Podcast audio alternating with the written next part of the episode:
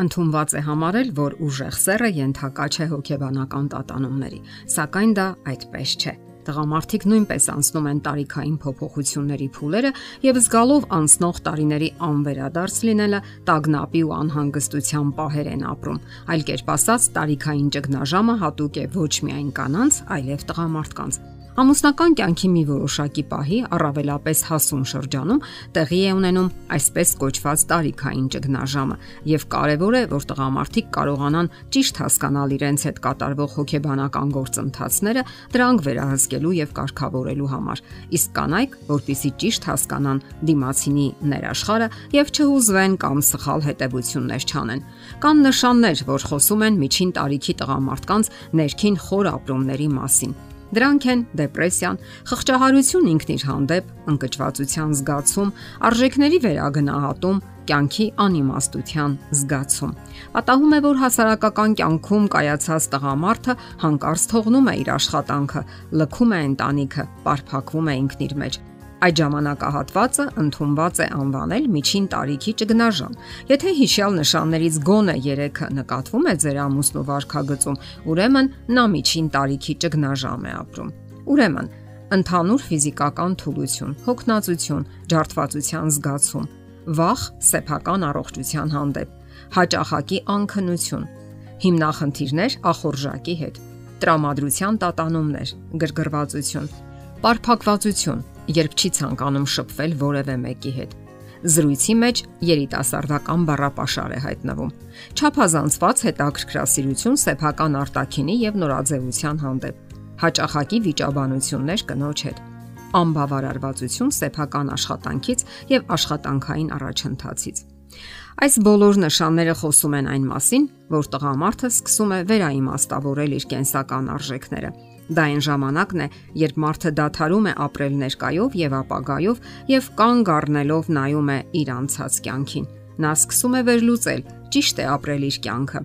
Կայացել է արդյոք աշխատանքային առաջընթացում, որպես ամուսին եւ հայր, որպես ընկեր, արդյոք կատարել է այն, ինչ անհրաժեշտ է եւ վերջապես կբավականացնի ժամանակը, որ հասցնի իրականացնել իր բոլոր երազանքներն ու նպատակները։ Ահա թե ինչու կանանցից պահանջվում է առավել նրբանակատ եւ ըմբռնող լինել։ Հասկանալ, որ ուժեղ սերին նույնպես հատուկ են թուլության ու անկումային վիճակները եւ հարկավոր է սեփական վերաբերմունքով ոչ թե խորացնել անկումային պահերը, այլ սատարել տղամարդուն։ Ասենք որ այդ ճգնաժամային տարիքը տղամարդկանց մոտ 35-ից 50 տարեկանի սահմաններում է։ Դրան ենթակա են թե ամուսնացած, թե միայնակ տղամարդիկ։ Հետաքրքիրն այն է, որ այդ ծուղակն ընկնում են ոչ միայն ցախողակ, այլև միանգամայն հաջողակ անznավորությունները, որոնք կյանքում շատ բանի են հասել։ Այդ ժամանակ մարդը անբավարարություն է զգում իր կյանքի բոլոր ոլորտներից, ձանձրացնում է ամեն ինչ՝ աշխատանքը, նախասիրությունները, ընտանեկան միջավայրը, ընկերները։ Ցանկություն է առաջանում փախչելու ամեն ինչից եւ բոլորից։ Այդ վիճակը սովորաբար տևում է 1-2 տարի, սակայն կարող է երկարաձգվել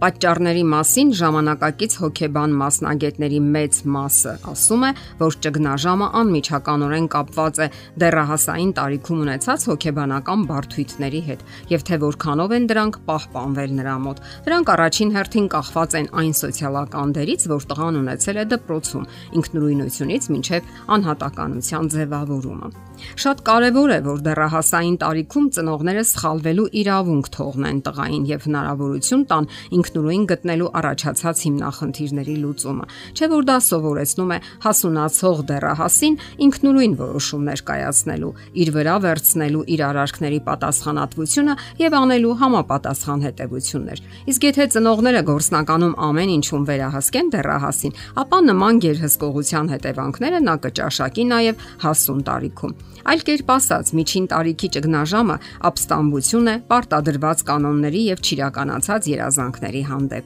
Չէ որ տղամարդիկ 30 տարեկանից հետո սկսում են երանդուն որոնել հետևյալ հարցի պատասխանը. ինչպես դրսևորվել կյանքում։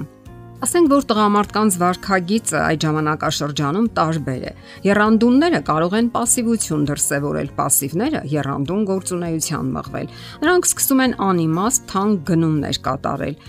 Ասենք մեքենա, հակվում են անհավատարմության, կարող են ամուսնալուծվել նույնիսկ, անխոհեմ արարքներ թույլ տալ։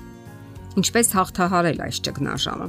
Հարկավոր է երանդուն լինել ընտանեկան կյանքում, անել հնարավոր լավագույնը։ Իսկ կանայք պետք է համագործակցեն տղամարդկանց հետ, օգնեն հաղթահարելու այդ ժամանակաշրջանը, լինեն համբերատար ու կարեկից։ Ընտանեկան միջավայրը լավագույնն է շատ հարցերի պատասխաններ գտնելու համար։ Եվ ամենակարևորը հետևեք ձեր առողջությանը։ Առողջ կենսաձև վարեք։ Մոռացեք ալկոհոլային խմիչքների մասին։ Դրանք միայն խորացնում են ճգնաժամը եւ դուք հայտնվում եք կախվածության մեջ։ Դրեք բարձր նպատակներ եւ ջանք արեք իրականացնելու դրանք։ Եվ մի մոռացեք հոգեվոր արժեքների մասին։ Դրանք կարող են հանել դեպրեսիվ վիճակներից եւ իմաստ հաղորդել կյանքին ու արժևորել այն։ Եթերում ընտանիք հաղորդաշարներ։ Ձեզ հետ է Գեղեցիկ Մարտիրոսյանը։ Հարցերի եւ առաջարկությունների համար զանգահարել 033 87 87 87 հեռախոսահամարով։